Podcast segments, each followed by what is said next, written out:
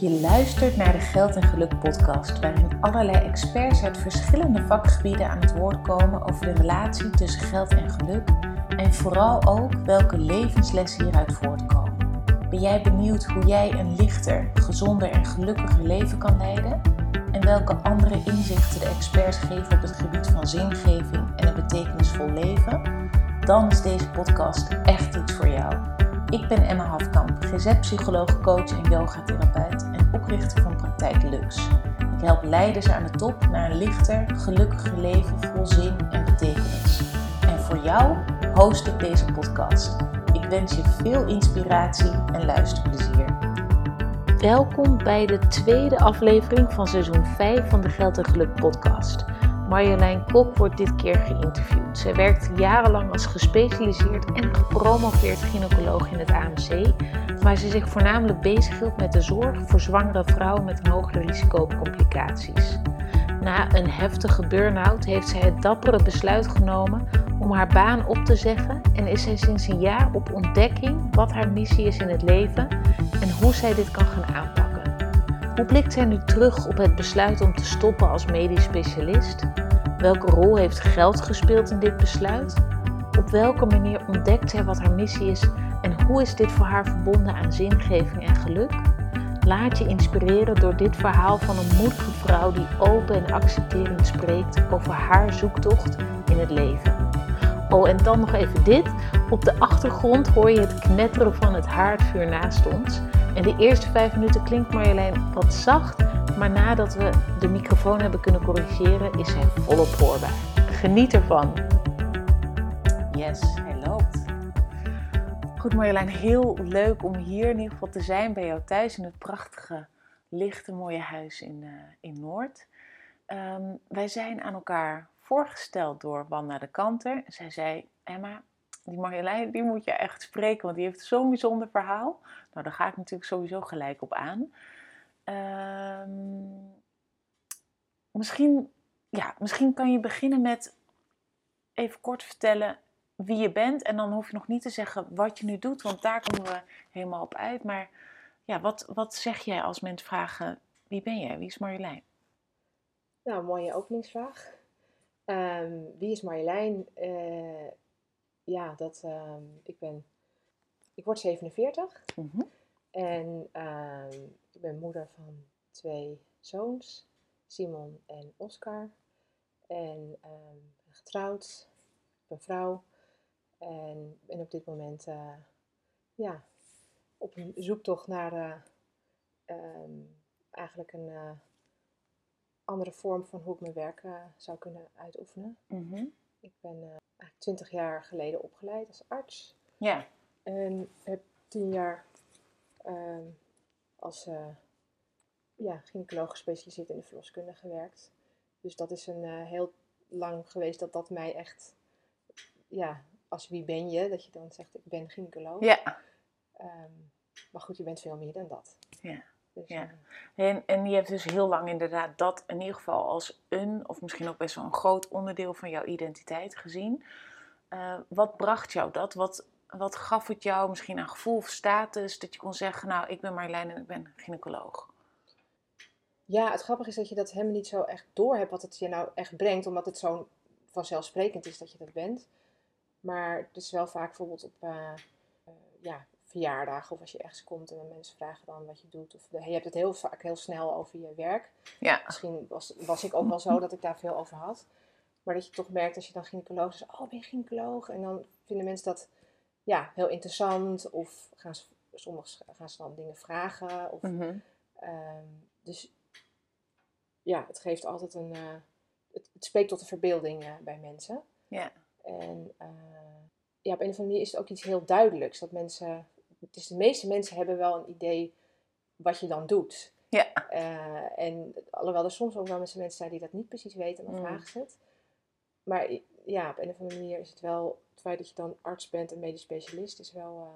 Uh, uh, ik heb ook wel een periode gehad dat ik dat bijna niet wilde zeggen, omdat ik dan dacht van ja, ik wil gewoon niet, ja, ik wil, hoef niet per se dat mensen dat weten of zo. Of dat, dat... En waar zat dat dan in?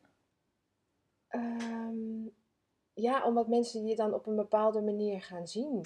Ik, ik had wel het, ja, soms ervaar je dan wel of dat mensen dat dan tegen je op gaan kijken. Of, Mhm. ehm, ja, of het, mensen hebben natuurlijk ook een beeld bij zo'n iemand die dat is. Ja. Dat beeld hoeft niet per se bij mij te passen. En, en wat is dat beeld over het algemeen, denk je? Dat mensen hebben van de term medisch specialist of eh, specifieker gynaecoloog? Ik denk dat dat toch ook wel met status en aanzien te maken heeft. Dat je, Ja. ehm, ja, dat je, en dat je hard werkt. Hè, dat is vaak ook wel. Mhm. Dat, dat, het gewoon, eh, eh, dat je druk bent, dat je Ja. wel veel geld verdient eh, en dat je heel veel gestudeerd hebt. Dus, hè, ook- of dat je slim bent of ja, dat soort. dingen. Ja, en, en, en zijn die eh, clichés ook allemaal waar? Eh, ja, daarom zijn het clichés, denk ik, maar Ja. eh, veel wel, denk ik wel. Ja. Ja. Ja. Ja. Want Het is gewoon een uh, medisch specialist zijn, dat is het ziekenhuis, over het algemeen zijn dat gewoon zware banen. En heb je daar wel, ja, krijg je wel een, een goede, goed salaris daarvoor. Ehm, maar ja, heb je ook een hele lange opleiding gedaan voordat Ja. je dat bent, maar zeggen. Ja, Ja. dus ehm, je krijgt, je, je krijgt eh, qua geld hè, krijg je genoeg, maar je, ehm, je geeft ook heel veel. En niet alleen misschien qua jaren aan een opleiding, maar ook aan eh, tijd dat je sowieso natuurlijk in de baan steekt, aan drukte, aan verantwoordelijkheid, kan ik me ook voorstellen. Ja.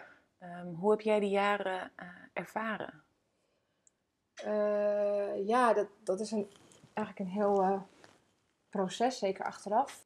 Op een gegeven moment had ik besloten van, nou, ik wil gynaecoloog worden. En dan zet je alles daar wel in gang om, nou ja, voor die opleidingen worden aangenomen. En dan op een gegeven moment begin je met die opleiding en dan kom je in een soort werkcultuur waarin je meegroeit eigenlijk met wat, eh, wat er van je verwacht wordt. En je wil, ja, je hebt een soort doel voor ogen en dat wil je Ja. bereiken. Dus je voegt je ook naar die cultuur Ja. om je doel te kunnen bereiken. Ja, dat doel is belangrijker. Dus Ja. zoals voor mij was, dat doel was belangrijker dan hoe ik me eronder... Ik stond er niet echt bij stil hoe ik daarbij voelde. Ik was alleen bezig met, of voornamelijk bezig met, ik wil eh gynaecoloog worden. Ja. En daar had ik ook ontzettend veel... Ik vond het een super boeiend vak. Dus het was ook, in die zin eh, vond ik het ook niet vervelend eh, om, om uren te maken. Omdat, eh, zeker in het begin, je leert heel veel, je doet er heel veel ervaring op. Ja. En ja, dat, het geeft dan ook heel veel voldoening. Ja, ja want ehm, we gaan zo verder op dit pad hoor, maar ik ben nog even benieuwd, wat trok je in gynaecologie aan? Wat maakte eh, dat je dat zo interessant vond? Ja, nou, het is wel iets waar ik nu ook weer op met een andere manier aan het kijken ben. Eh, Mm. maar op momenten van de keuzes was het eigenlijk zo dat ik ehm, tijdens de kooschappen nog niet zo goed wist wat ik wilde. Mhm. En eh, wel van sommige dingen wat ik niet eh, wilde. Maar ik had wel het idee van ik wil iets praktisch en, of iets chirurgisch. En ehm, van het chirurgiekooschap dacht ik nee, dit is niet wat ik wil. En toen had ik op een gegeven moment het gynaecologie, gynaecologiekooschap. En ik vond het echt fantastisch. Het was echt een ja, soort warm bad voelde. Hè? Mm. Dat was toen ook in het AMC waar ik later ook ben gaan werken. Maar Ja. Ik voelde me heel erg thuis tussen, ehm, tussen de mensen die er, die er werkten. Dus, en het vak eh, zelf vond ik heel interessant. Ook wel een beetje spannend. Dus dat was misschien ook, zoals de verloskunde, wat ik ook ben gaan doen. Vond ik ook zo'n bevalling, vond ik ook wel, ja, heel spannend. Eh, en ik weet wel dat ik op, ook dacht van, ik, van, dat ik niet helemaal voor, voor me kon zien dat dat iets is wat ik zelf zou gaan doen. Of zelf zou kunnen begeleiden. Want wat, wat maakt dit precies spannend? Dat het zo heel erg echt over nieuw leven gaat en kwetsbaarheid? Of... Ja, ik vond het, ehm, als je vergelijkt met wat je allemaal tegenkomt in de geneeskunde, dan zo'n bevalling, zo'n vrouw die in dat proces zit, en dan zeker in de beginfase waarin je als co-assistent of als junior co-assistent met name de echte begeleiding van de vrouw doet eh, eh, tot en met eh, de geboorte en het bijstaan bij eh, de wee en dergelijke, dat eh, ja, je ziet mensen op een heel intens moment van hun leven. En dan zit je daarnaast en denk je, wat moet ik dan doen? Wat, wat kan ik eh, betekenen voor zo iemand? En dan Ja. die bevalling zelf, dat je denkt, oh, er kan van alles misgaan. Hoe, ga, ja, hoe ga, je dat, ga je daarmee om? Ja, ja. Ja. En, en is dat dan ook, raakt dat dus ook aan, ehm, nou ja, je verantwoordelijk voelen voor het in goede banen leiden? Ja, ik denk wel dat ik sowieso dat gewoon in me heb. Dat, je, dat ik alles wat ik doe, wil ik heel goed doen. Mhm. Dus dat wil je dan ook heel goed doen. En Ja. zeker iets als de verloskunde is heel onvoorspelbaar. Ja, Dus eh, dat, je weet van tevoren niet waar je aan begint. Dus als je alles goed wil doen, je, ja, in het moment moet je beslissen. En dan kan je achteraf denken, oh, als ik wat langer tijd had gehad, had ik het misschien anders gedaan. Mhm.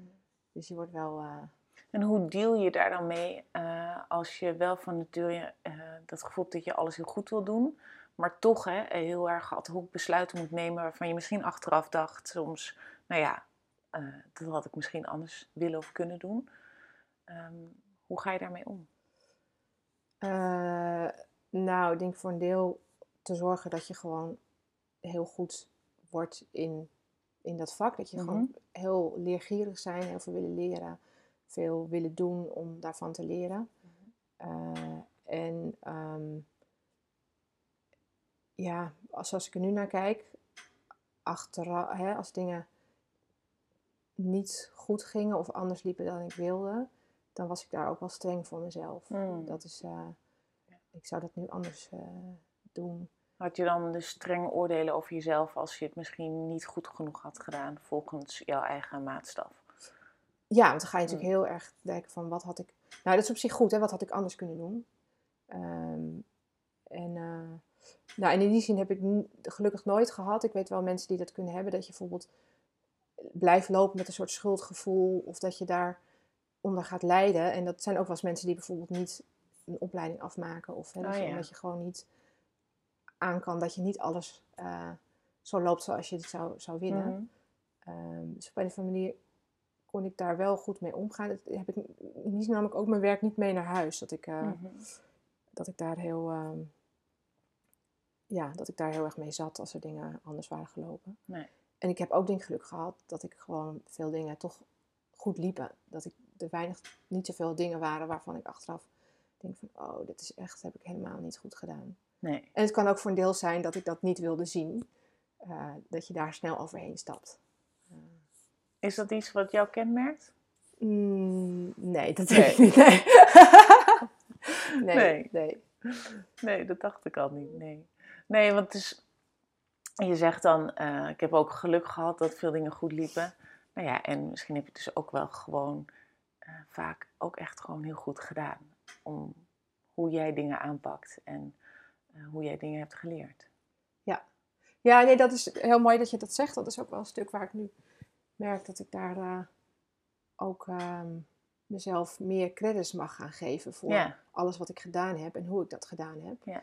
Ehm, eh, omdat ik ook heel goed contact heb gemaakt met het stuk wat zich eigenlijk niet goed genoeg voelde. En daardoor een soort drive, dat was de drive om alles maar steeds beter te doen. Ja. Eh, en daar kom je een heel eind mee, maar dat gaat, daar, loop, nou ja, daar ben ik wel op eh, vastgelopen, zou ik maar zeggen. Ja. Eh, dat ik, nou ja, een burn-out kreeg, dat had daar ook mee te maken, Mhm. onder andere, denk ik.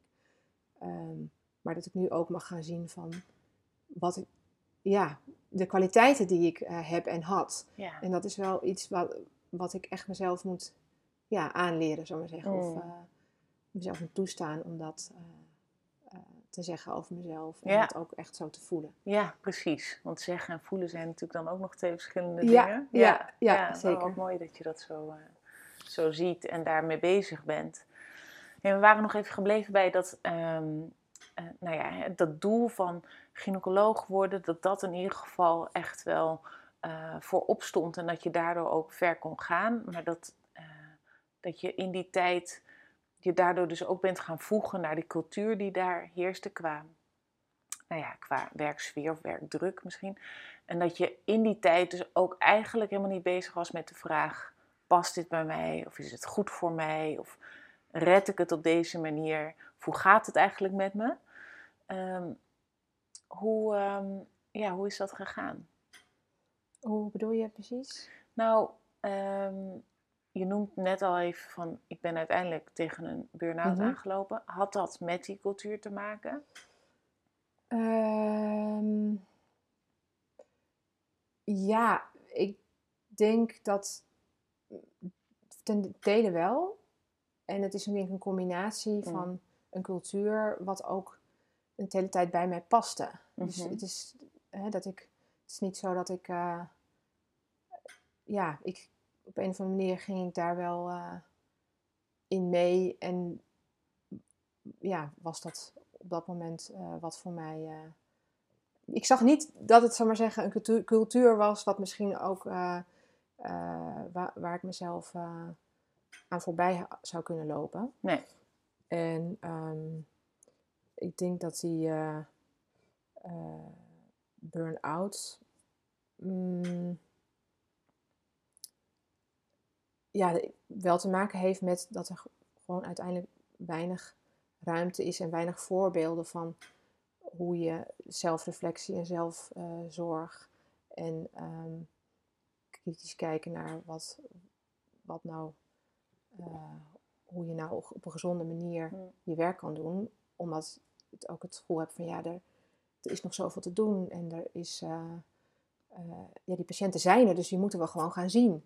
En we moeten gewoon, eh, ja, dat moet je gewoon doen. En eh, je komt de dag vanzelf wel door. Dat is een Mm. soort, hè, de, de overleving. Ja. Eh, en ehm, door, en te maar zeggen dat ik in die burn-out kwam, waren er ehm, ja, dingen op persoonlijk vlak waar ik veel, ja, wat me raakte en waar ik verdriet van had. En dat ik op een gegeven moment merkte van, ik, ik moet eigenlijk elke dag huilen. Mm. En toen dacht ik, nou, dat komt door eh, die persoonlijke omstandigheden. Maar toen ik eh, thuis was en daarmee eh, ja, eigenlijk eh, aan de gang ging en daar dingen van leerde, toen kwam pas later de inzichten van ja, maar dat, het, het is ook, het heeft ook met het werk te maken. En uiteindelijk heeft het te maken met ehm, ja, eigenlijk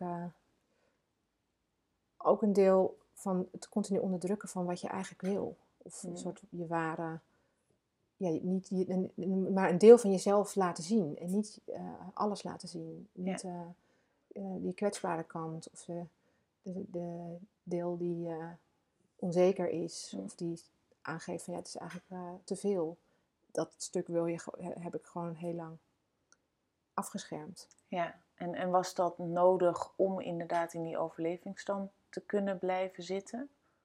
Ja, nou ja, het was niet, het was niet bewust. Ik deed, dat Mm. gebeurde niet bewust. Dus ik Nee. eh, ehm, later, en dat is, ik bedoel, dat is, proces gaat nog steeds door. Dat het iedere keer weer een laag dieper komt van, oh, maar daarom deed ik dit. Of Mm. dat zat erachter. Of eh, ja, je krijgt steeds meer helderheid Mhm. waarom ik bepaalde dingen wel of niet op een bepaalde manier deed. Ja.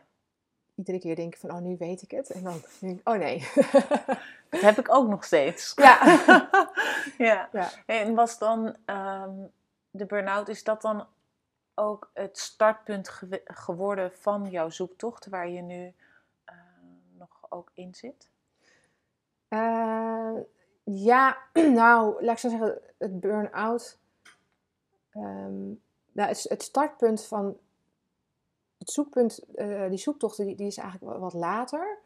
Maar als ik kijk naar waar het begonnen is, dat ik, ehm, dat ik eigenlijk een soort mijn 360 graden andere blik heb gekregen op mezelf en op de wereld om me heen. Dus denk ik, begon eigenlijk dat ik eh, rugklachten kreeg, eh, ehm, waardoor ik mijn werk niet goed meer kon doen. Of dus ik kon niet aan het werk omdat ik gewoon enorm door mijn rug was gegaan en niet eens meer ehm, goed kon eh, lopen en zitten en dat soort Ja. dingen. En toen deed ik, ging ik dus ehm, eh, eh, liggend op bed nog wel vergaderen. En, toen, en ik had een van mijn onderzoekers die ik begeleide als co-promotor, die is ook een bedrijfsarts. We deden onderzoek naar gezondheid en in de zwangerschap en tijdens het werk en zwangerschap. En toen belde ze mij terug van, vind je het goed als ik je als bedrijfsarts terugbel? En, eh, want ja, ik maak me wel zorgen dat je eh, nu liggend eh, aan het werk bent en rugklachten is, hoeft niet altijd alleen fysiek te zijn, maar kunnen ook mentale aspecten. En misschien is het goed om een keer met een coach te gaan praten. Hoe kwam dat bij jou binnen? Ehm, nou, het, het kwam bij mij binnen dat ik dacht van, ik voelde wel dat het niet alleen maar mijn lijf was. Mm. Nu weet ik hoe goed je lijf communiceert met, uh, dat is eigenlijk een soort, ehm, ja, uh, hoe noem je dat? Uh, ja, verklikker is een, groot, is een beetje een verkeerde woord, maar in ieder geval de, de soort kompas wat je kan Ja. gebruiken om te kijken hoe, je in, hoe het gaat eigenlijk. Dat, ik negeerde mijn lijf eigenlijk totaal. Ik was helemaal niet in contact met hoe ik mijn lichaam voelde. Dus, ehm, maar mijn lichaam riep, dat was een soort signaal van, eh, hallo, je moet nu echt luisteren. Uh, en dat signaal had ik wel, dat ik dacht van ja, dit is wel een signaal, maar waarvan had ik nog niet zo heel erg door. En dit was dus wel na je burn-out? nee, dat was voor mijn Oh, burn-out. dat was voor je burn-out. Ja, dat was voor mijn burn-out. En eh, dus in de tijdlijn was dat ruim een jaar, denk ik, ervoor. En toen ben ik Mhm. wel bij een, eh, een, een coach eh, gekomen. Mhm. En omdat ik dacht, ja, dat is denk ik wel een goede stap om te doen. Mhm. En nou ja, dat, dat eerste gesprek was een soort verademing. Dat je dan met iemand zit die dan naar jou luistert. En eh, eh, ja, objectief jouw dingen teruggeeft. En er echt is voor jou. En, en ik kan me ook nog heel goed herinneren, de, het voelde heel liefdevol. En ik merkte dat ik toch uit een soort wereld was waarin een soort hardheid is. Die ik zelf ook had naar mezelf en naar anderen toe, denk ik. Eh, ik kende het gewoon niet om zo'n gesprek eh, op die manier te voeren. Dus het was wel, ik voelde me heel erg gezien en Mm. gehoord. En nou ja, uiteindelijk eh, had ik het idee van, oh nu heb ik het antwoord. En nu, hier ga ik heel veel van leren. Maar dat heeft niet kunnen voorkomen dat ik wel in die burn-out terecht kwam. En ik denk dat dat, eh, ja, dat is een onderdeel wat, eh, ook helemaal met die draadjes. Ehm, een onderdeel van, eh, ja, stapje bij beetje kom je gewoon steeds verder. En ehm, in die burn-out heb ik denk ik, toen ben ik echt, heb ik mezelf toegestaan om echt stil te staan en te voelen. En toen ik dat deed, toen eh, heb ik eigenlijk een jaar lang elke dag eh, gehuild. Eh, soms wel echt uren per dag. En ik was echt dat ik dacht van, wat is dit? Dat ken ik helemaal niet. En van mezelf. En ik denk dat ik echt wel tranen heb gelaten van jaren gewoon, die ik niet liet zien. En, en dat heeft enorm geholpen en dingen. Dat het bijna Opgelost. een soort van schoonmaak is van alles wat eerder opgeslagen is, maar er nooit uit kon of mocht komen. Ja, Hm. ja, ja dat, dat, dat was denk ik ook echt noodzakelijk. En ik denk niet dat ik mezelf had toegestaan dan op een andere manier dan met zo'n burn-out thuis te komen zitten en dan Hm. dat allemaal te voelen. En ehm, dus ja, dat heeft een enorme ehm, veranderde kijk gegeven op, eh, op de wereld en op mezelf. Daar heb ik heel veel van geleerd. Want kan je daar ehm, de kern uithalen hoe, op welke manier je anders naar de wereld bent gaan kijken? Mm, nou, misschien komt dat, want daarom is ook, hè, want ik ben die zoektocht naar een andere vorm van werk, dat heb ik ook, eh, dat is eigenlijk een missie geworden naar het opzetten van een holistisch centrum voor geboortezorg. Daar kan ik misschien nog wel iets meer over vertellen, maar ik heb heel specifiek dat holistisch. Ik, denk dat het misschien dat je dus veel breder, een bredere blik gaat krijgen, dat je, dat ik alle kanten van mezelf ging zien. Dus de, eh, de mooie kanten, maar ook de donkere kanten, de, eh, de kanten die me heel ver hebben gebracht, maar die me ook, ja, door daarin door te gaan, eh me ook, ja, bijvoorbeeld dat ik een burn-out kreeg, dat je, omdat je alles zo goed wil doen of zo, maar doorgaat en niet luistert naar je lichaam. En ehm, om daarnaar, ja, eigenlijk liefdevol naar te gaan kijken.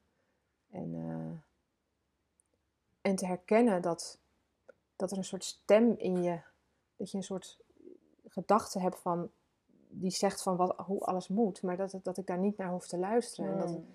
dat ik een soort, inderdaad, innerlijke criticus had die gewoon echt, ik heb het echt nog wel gevisualiseerd, dat ik dacht van, het is gewoon iemand met een zweep. Het was echt een zweep die gewoon, hup, door, door, meer. Ja. En toen ik dat ging voelen en ervaren, daar brak ik ook wel van.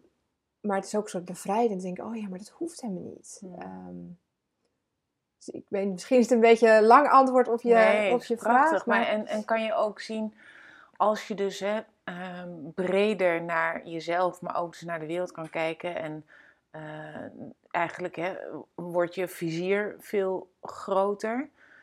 Eh, zie je alle kanten, positieve kanten, maar ook valkuilen en risicofactoren. Als je die holistische blik die je beschrijft, wat is daar nou het voordeel van om dat te hebben ten opzichte van misschien de, nou ja, wat staat er tegenover? Misschien een soort tunnelvisie of zo dat je eerder kon hebben.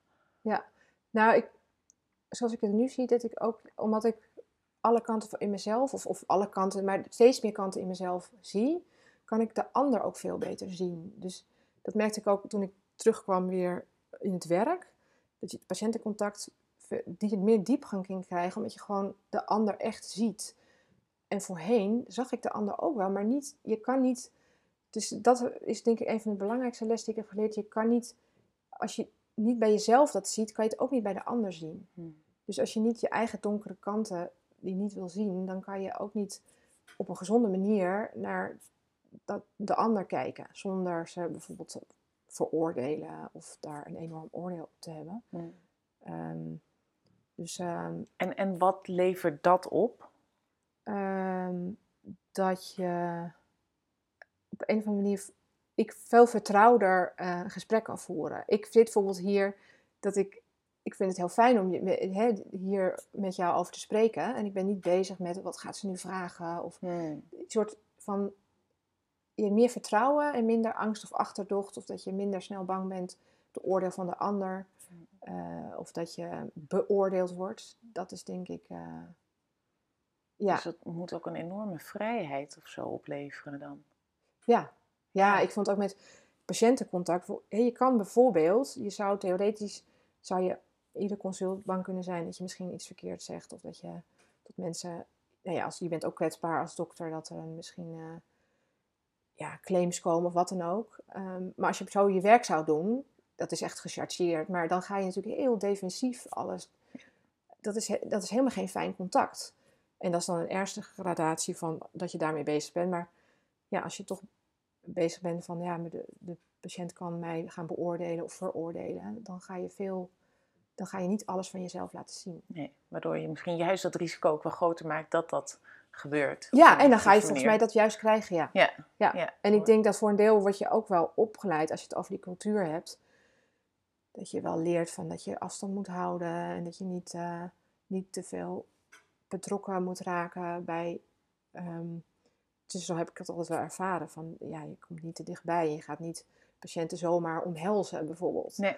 Ehm, en wat ik nu wel heb geleerd, is dat inderdaad die, als die betrokkenheid gaat komen vanuit een soort behoefte van ik wil heel graag gebonden met iemand of ik ga te dichtbij komen, dan is dat natuurlijk, die arts-patiëntrelatie is natuurlijk wel een, ehm, eh, eh, ja, in bepaalde vorm een soort hiërarchische relatie. Of ja, je bent als patiënt wel ook weer afhankelijk van zo'n van een dokter.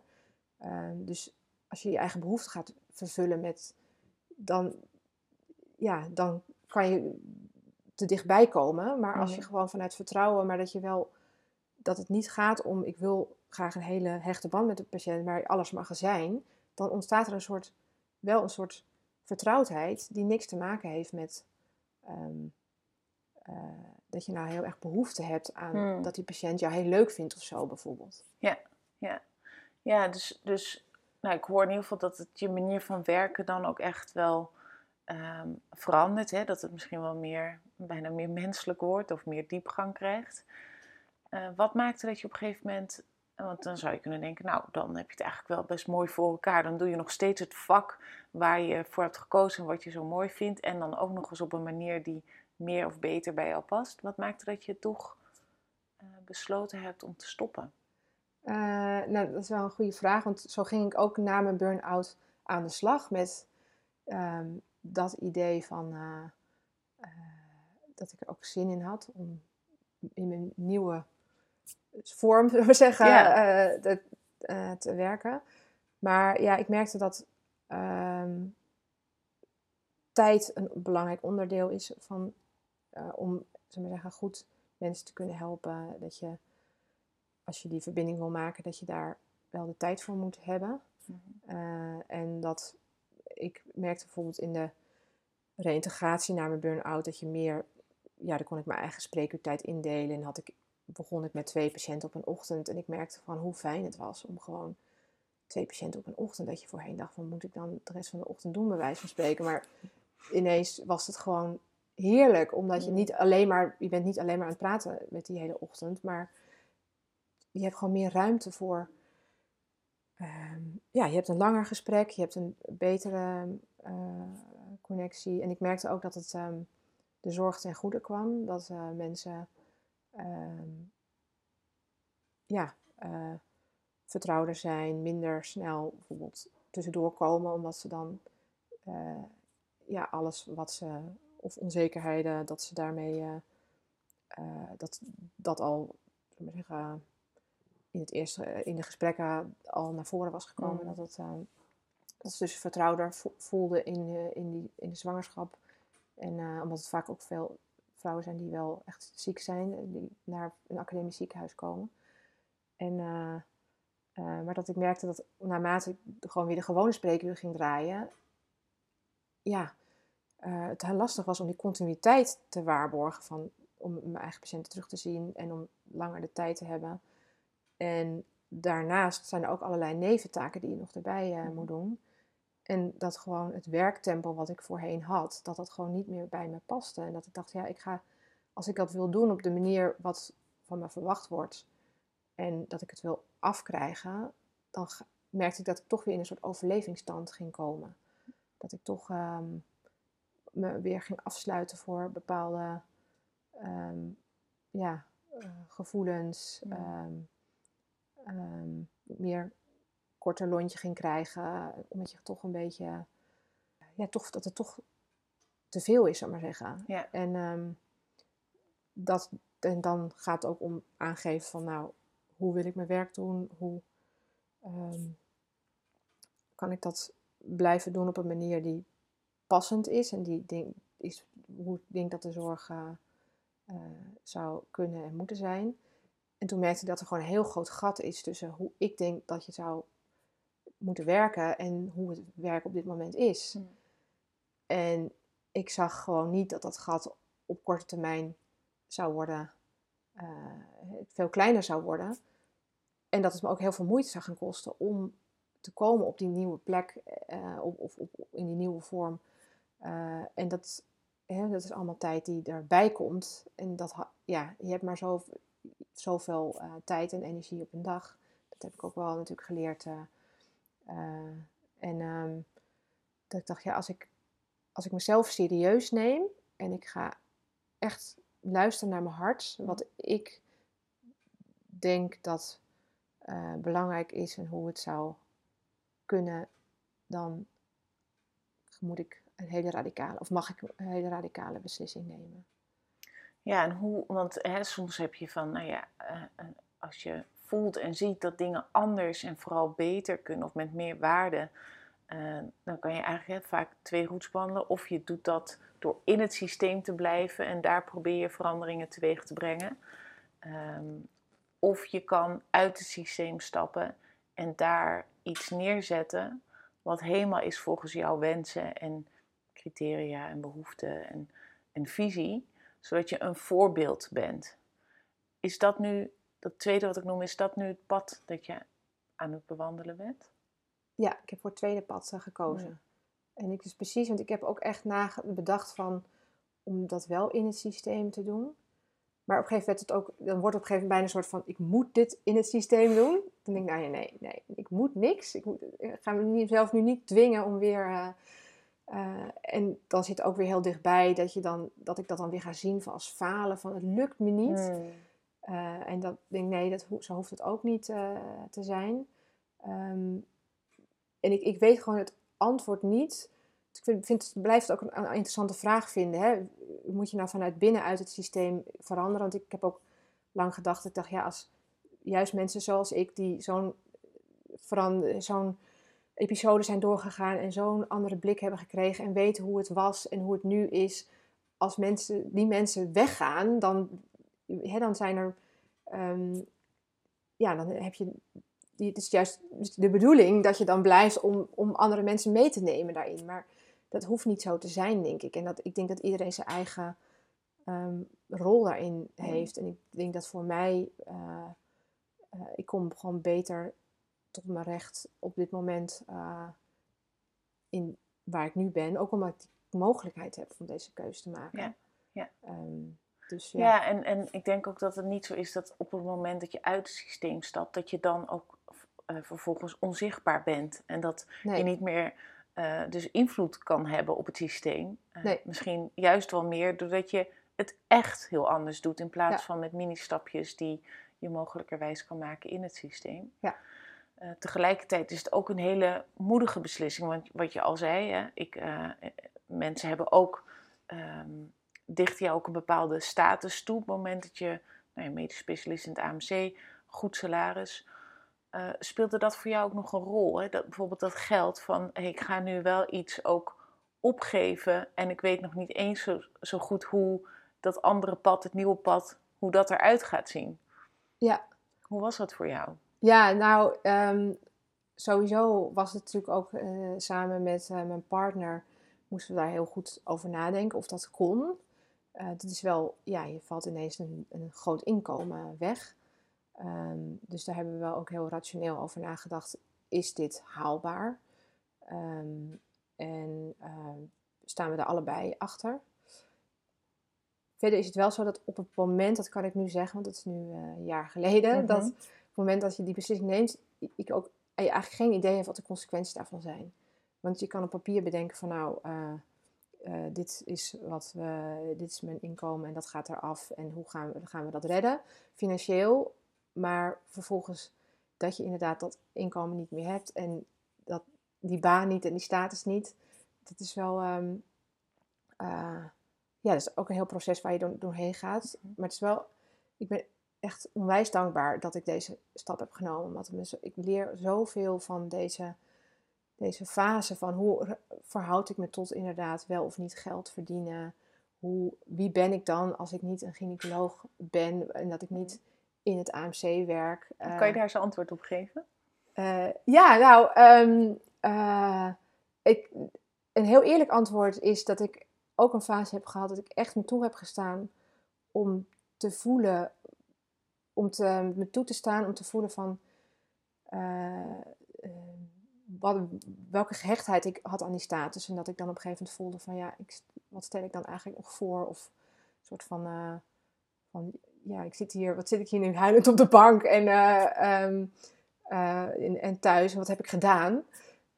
tot het moment dat ik denk, nee, dit is, um, ik ben veel meer dan dat. Ik, dat is een, een, het voelt bijna inderdaad als een, rol die ik vervuld heb en waar ik heel veel van heb geleerd.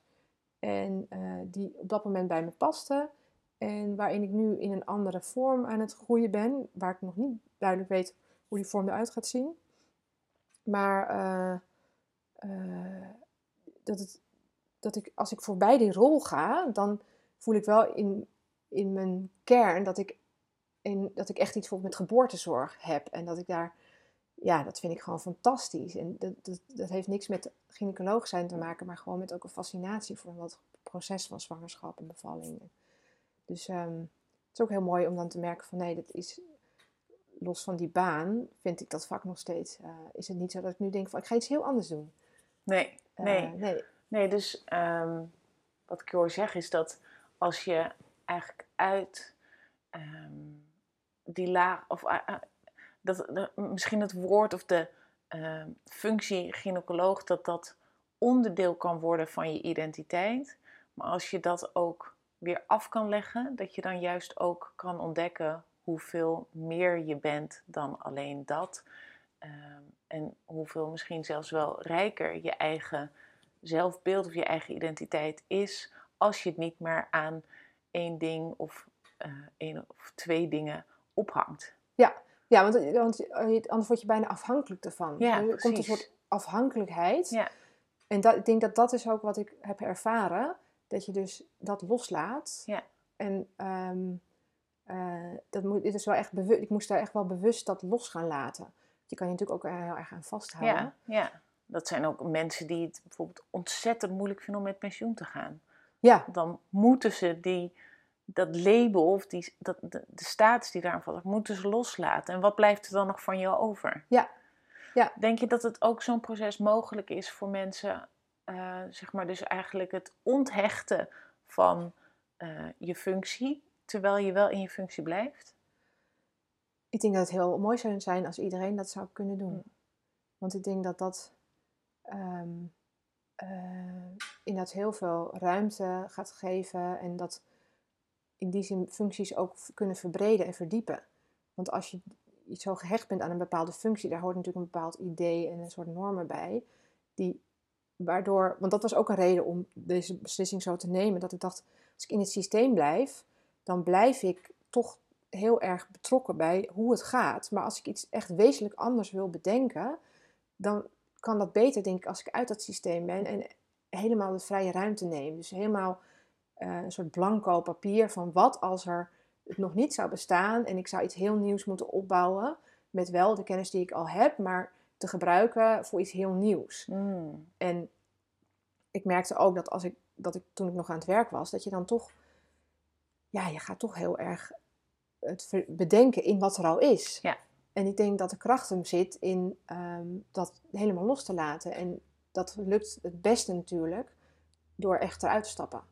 Ja. Um, ik denk dat, heel, dat, het heel, dat je weer heel knap moet zijn, wil je er middenin zitten en dat allemaal kunnen loslaten. Mm, ja. Dat, de, ja, dat Ja. ik niet dat heel veel Ja, mensen... dus het gaat over niet zozeer kleuren, eh, eh, verschillende eigen kleuren kiezen in de kleurplaat, maar echt een hele nieuwe kleurplaat mogen ontwerpen. Ja, eigenlijk Mm, wel, ja. mm. Ja. En kan je ons eens meenemen, want je bent nu een jaar onderweg om die kleurplaat vorm te geven. ja. Hoe, eh, hoe ziet het eruit op dit moment? Eh, dit is, dit is heel bont, eh, een bont kleurrijke kleurplaat eh, aan het worden. Eh, ja, nou, het, sowieso is het, merk ik, dat ik heel veel plezier ervaar aan, aan die hele zoektocht. Omdat ik, ehm, ja, ik spreek allemaal mensen die ik inderdaad anders nooit zou spreken. En het geeft me ook heel veel ruimte en vrijheid om echt mensen eh, te zeggen van, nou, ik, we kunnen een keertje koffie drinken of ik wil wat weten. En, en dan gaat de hele wereld voor me open van binnen de geboortezorg die ik nog helemaal niet kende.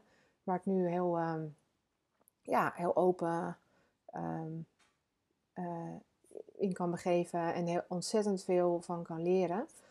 En ehm, ik ben op een gegeven moment, dacht ik ja, want ik had eigenlijk dat ik die beslissing nam van het plan is dat er geen plan is. Maar op een gegeven moment dacht ik ja, het moet wel een keer iets duidelijker worden. Of, eh, en uiteindelijk heb ik bedacht van als soort werktitel dat ik een holistisch centrum voor geboortezorg wil opzetten. Omdat dan de afkorting eh, HCG is, wat eh, het zwangerschapshormoon is. Dus dat vond ik een leuke acroniem. En dat ben ik eigenlijk gaan delen. En ik heb mensen die ik sprak, heb ik ook gevraagd of die eh, ehm, eh, droompartners willen zijn. En dat idee kwam weer uit dat ik een, ehm, bij eh, iemand die eh, zichzelf een positieve bemoeial noemt. En die had bemoeisessies. En dan kan je bij het vuur een soort intervisie doen op je vraagstuk. En dat was bij mij het, dat holistisch ge- geboortecentrum. En toen eh, heb ik, ehm, kwamen daar echt allemaal hele leuke, interessante tips bij. En onder andere het zoeken van droompartners. En dacht ik, oh ja, dat voelt heel goed. Dat is, Mm. Eh, en het zijn nu 21 eh, vrouwen die allemaal op een bepaalde manier met de geboortezorg te maken hebben. Dat zijn vanuit de reguliere zorg of van verloskundigen, ehm, eh, psychologen, doula's, maar ook ehm, en verpleegkundigen, maar ook coaches, healers. Eigenlijk ehm, ja, over de hele breedte. Ja. mensen die, en ondernemers ook. En met elkaar hebben we nu twee bijeenkomsten gehad om eigenlijk een, ehm, een beeld met elkaar neer te zetten van wat, hoe dat eruit eh, kan gaan zien. Mhm. Eh, en ehm, eh, daarnaast heb ik ook contact met mensen van de Geboortenis. Dat is een, een stichting die eigenlijk al tien jaar met dit concept bezig zijn. En eigenlijk al heel veel voorwerk hebben gedaan. En die, ehm, waar we eigenlijk helemaal aansluiten op de ideeën. En, ehm, eh, maar dat is in Zutphen. En ik zit dus in Amsterdam. En ik heb heel lang gezegd van ik wil iets met de geboortezorg van A tot Z eh, leveren. Omdat was dan een soort vertaling van het holistische. Maar Mhm. toen ineens dacht ik, hé, van Amsterdam tot Zutphen. Ja. Dus eh dat is een hele fijne ehm, ehm, ja, samenwerking en kruisbestuiving. En zij brengen weer hele andere dingen in dan ik. Zij komen veel meer uit het holistische stuk en uit het ehm, eh, stuk vanuit eh, complementaire ehm, geneeskunde. En ik kom echt natuurlijk uit het reguliere stuk. En zo kunnen we heel, elkaar heel erg helpen en voeden. En ja, wordt het steeds concreter dat... ehm, ja, zij zitten echt op een fase dat ze mogelijk een centrum daar gaan bouwen. En in Amsterdam eh, ja, is dat, willen we daar, zullen we zeggen, vergelijk, hè, dat je misschien op twee plekken vergelijkbaar iets neerzet. Mhm. En waarin het gaat eigenlijk om eh, ja, geboortezorg vanuit een, eh, in die zin wel een holistische visie. Dus ehm er is niet alleen, er is ook aandacht voor ehm, de spirituele kanten bijvoorbeeld van zwangerschap. eh, dus continuïteit van zorg, er is aandacht, er is eh, ehm, eh, goede samenwerking tussen reguliere en complementaire zorg, eh, voeding en leefstijl en hoe kijk je naar jezelf, hoe, hoe ehm, en het begint al voor de kinderwens eigenlijk, dus in die zin Mm. gaat het ook over de eerste duizend dagen van rond voor de conceptie tot en met de tweejarige leeftijd. En om daar eigenlijk eh, de dingen die ik nu allemaal leer, en ik leer nog steeds bij, om, en die, ik spreek gewoon ook heel veel jonge moeders die, die echt vastlopen in ja, hoe ze bijvoorbeeld een andere visie hebben op ouderschap. Mhm. Maar hoe ga je dat dan vormgeven? En dat er eigenlijk moet je iedereen maar zijn eigen weg daarin vinden. Ja. En dat het heel fijn zou zijn als er een plek is waar je gewoon heen kan gaan en waar je ja, daar informatie over kan krijgen of dingen van kan leren en elkaar kan inspireren. Ja, ja, wat mooi. En ik zat ook ondertussen te denken, als we het hebben over een onthechting eh, van eigenlijk eh, de status van medisch specialist of gynaecoloog.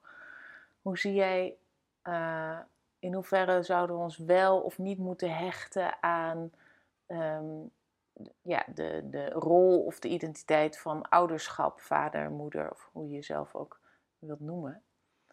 Moet dat juist nou heel gehecht zijn of eerder onthecht? Nou, ik denk dat, eh, want inderdaad, de visie verandert nooit op één vlak, dus ook op ouderschap. Ik heb in de afgelopen jaren ook ge- geleerd hoeveel ik van mijn kinderen leer. Dus dat het, het idee van hoe je hè, een beetje soort in onze cultuur, dat je als ouder en opvoeden en dat, dat jij er bent om, om eh, de weg te wijzen. eh, dat is natuurlijk een onderdeel, maar dat is niet het enige, want kinderen kunnen jou ook de weg wijzen. En die geven vaak juist aan waar het wringt. Of als, als zij ergens zich heel erg tegen verzetten, of ergens ehm, dat je denkt van, oh, wat, eh, wat een lastig gedrag of wat dan ook. Maar dan probeer ik ook te kijken van, maar waarom doet hij zo? Of hoe, hoe- wat, wat is er dan? Of wat doe ik dan? Eh, ehm, dus ik, in plaats van ik denk van, nou, je moet even gewoon nu luisteren, ehm, probeer ik zelf ook te luisteren. Ja. En nou ja, dat is een. eh, ehm, dus het hangt ook denk ik vanaf hoe je die rol, als je, het, als je het als een rol ziet en je hebt daar een bepaald idee bij, dan ga je denk jezelf en je kind eh, tekort doen. ja. eh, Ja.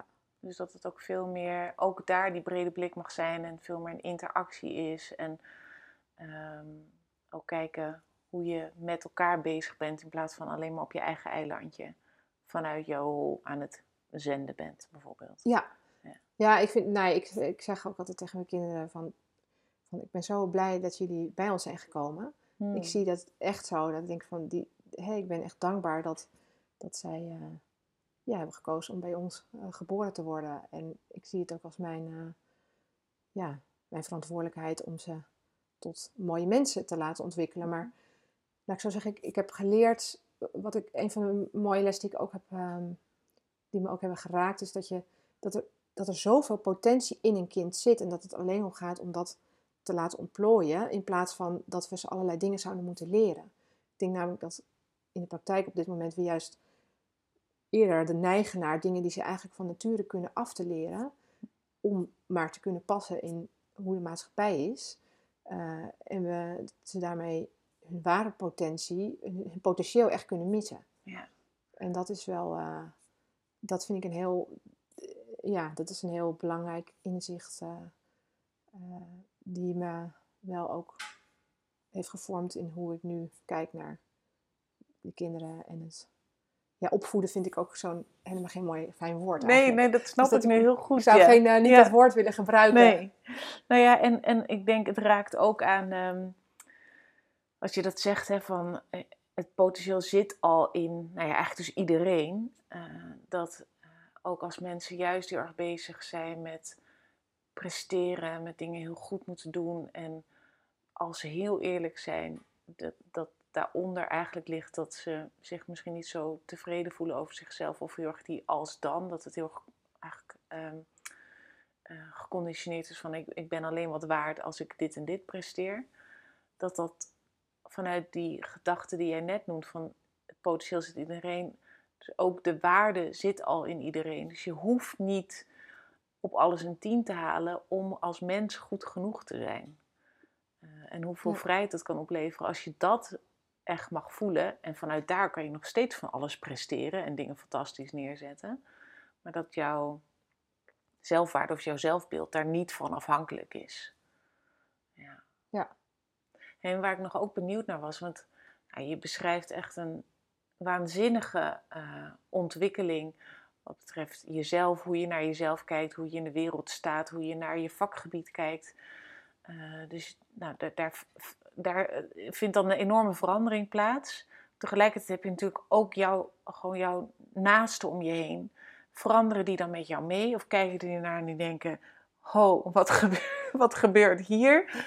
Eh, hoe, levert dat wel eens frictie op? Hoe, hoe doen jullie dat? Eh, ja, nou ja, dat is ook wel ehm, een heel proces, denk ik. Als ik heb al de, mijn partner, ehm, ja, die, die, die groeit ook mee. Ik zie dat zij ook wel, eh, ehm, zeker als ik het heb over hoe we naar kin- eh, onze kinderen kijken. En, eh, en met het werk ook wel. Zij is ook medisch specialist. Dus zij werkt wel gewoon in het ziekenhuis. Dus als hij te ver erin meegaat hoe ik ernaar kijk, dan zou ze misschien dat ook niet meer kunnen doen. Dus dat, is, dat weet ik niet. Maar eh, zij helpt me ook wel soms om te relativeren. Of om, hè, om een soort eh, touching base met eh, hoe je ook eh, waar ik vandaan kwam. En om niet, zomaar zeggen, mensen te verliezen in, in inderdaad die, ehm, die enorme ontwikkeling en het, dat andere beeld. Ehm, maar som, en sommige dingen, ja, bijvoorbeeld hoe ik met dat, dat holistische geboortecentrum en dat hele proces, hoe ik dat aanvlieg, dat kan zij hem niet volgen. Dat vindt zij heel veel te vaag en te Ja. weinig concreet. En dat zeg je, ja, waar, waar, werk je nu naartoe en waar sta je nu? En dat ik dat soms gewoon niet weet. Ehm, en uh, tegelijkertijd probeer ik er ook naar te luisteren. Dat ik denk, ja, ik moet, ja, weet je, het is ook omdat ik zelf zo zoekende ben, wil je ook niet een soort gaan verdwalen in je eigen um, ja, uh, ideeën van nou bijvoorbeeld het, het, het, moet wel allemaal goed voelen en leuk zijn.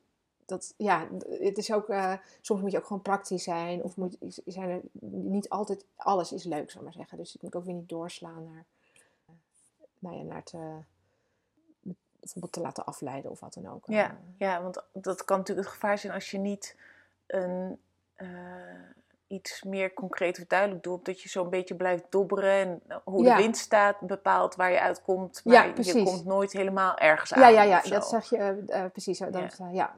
Ja. En aan de andere kant is het um, met vriendinnen, is het ook wel weer, ik vind het ook wel weer heel leuk om dit soort dingen te delen. Om soms ook wel om juist een beetje te kijken van hoe ze dan reageren. Maar ik heb op zich wel hele fijne vriendschappen die, die ja, die wel um, dat kunnen volgen of die niet per se meegaan in die dingen, maar wel um, geïnteresseerd zijn en steunend.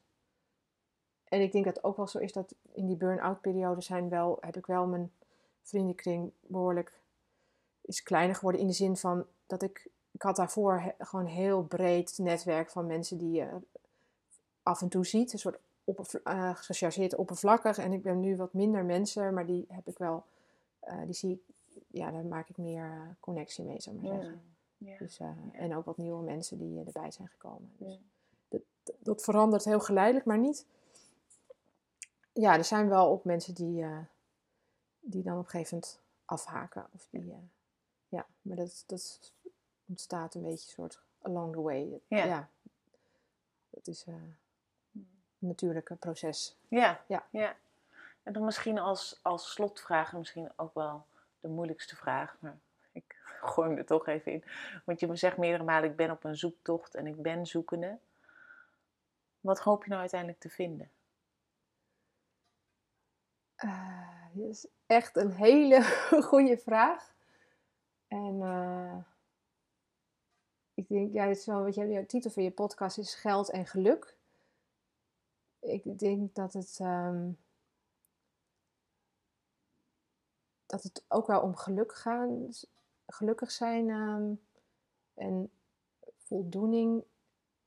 Ja, dat je echt eh, dat ik de maar zeggen, alle maar zeggen, kwaliteiten die ik heb en alle dingen die ik heb geleerd en alle kennis die ik dan kan gebruiken om op een manier die past bij mij, die me voldoening geeft, om eigenlijk dienstbaar te kunnen zijn aan, nou ja, in dit geval ehm, in de geboortezorg of in, in, in, in en in die zin denk ik, ja, in, in vrouwen die, ehm, ja, die in de levensfase zitten van, van, ehm, van vrouwen en kin- eh, kinderen en hun partners. Maar ik voel dat mijn rol ook zeker zit bij, bij die vrouwen. Ehm, ja, dus dat is denk ik eh, waar ik naar op zoek ben. Ja, mooi. En dan misschien als echt allerlaatste slotvraag. Wat hoop je dat de luisteraar uit dit gesprek ehm, eruit haalt of, of meeneemt of eh, geprikkeld wordt? Mm, ik denk dat het.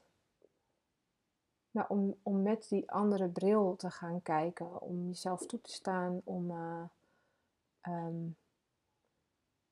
ja, met verwondering denk ik te gaan kijken naar wat iemand, ehm, wat iemand beweegt, of wat, waarom iemand iets doet, of waarom jij een bepaald iets doet en of dat. ehm, hè, word je daar nou gelukkig van? Of is, wordt er eh, hè, iemand of iets beter van? En is dat wat je wil? Ja, dat je toch met meer eh, ja, ehm, bewust gaat worden van, eh, van de keuzes die je maakt en of die je niet maakt. Dat kan ook. En ik, ik bedoel, ik, ehm, ik ben daar zelf ook gewoon heel, ja, dat is een enorm proces. En ik, in die zin ga ik zeker niet pretenderen dat ik dat allemaal weet, maar ik merk wel dat ik het, dat dat, eh, ja, dat dat heel mooi is om, eh, ja. En o- hè, ook, en misschien ook met die ogen naar je kinderen te gaan kijken als je die hebt. En eh, daarvan te leren en ook weer zelf. maar dat heb ik nog niet gezegd. Maar dat is bijvoorbeeld dat ik ook een van de leuke dingen. Om zelf weer kind even te zijn. Om gewoon je, dat Mm. kind in je te voelen. En daar kan ik dan zo blij van worden. En denk jij, dat is ook die rol van volwassenen. Maar we mogen ook gewoon af en toe kinderen zijn. En dan, dat je dus niet gaat denken van ik ben nu volwassen, dus nu ga ik niet meer kinderachtig zijn. Nee, ik kan echt genieten van met Lego spelen. Met, dat- en ja, dat we onszelf gaan toestaan om, om inderdaad in dat opzicht echt te gaan eh, genieten van het leven en jezelf eh, niet ehm, vast te zetten in, in een bepaalde rol, patroon of functie. Hmm. Dat denk ik. Dankjewel. Ik hoop dat je genoten hebt van de aflevering en dat je geïnspireerd bent geraakt. Wil je geen enkele aflevering missen? Abonneer je dan op de Geld en Geluk podcast door op de knop volgen of abonneer te klikken. Ook zou ik het ontzettend waarderen als je een review achter wil laten in de app waarmee je deze aflevering hebt geluisterd. En heb je nu het gevoel dat jij ook op zoek wilt gaan naar hoe jij een lichter, gelukkiger en meer betekenisvol leven kan gaan leiden? Bekijk dan mijn aanbod op de website www.praktijk-lux.nl of stuur een e-mail naar info.praktijk-lux.nl. Ik kijk er naar uit om je te ontmoeten.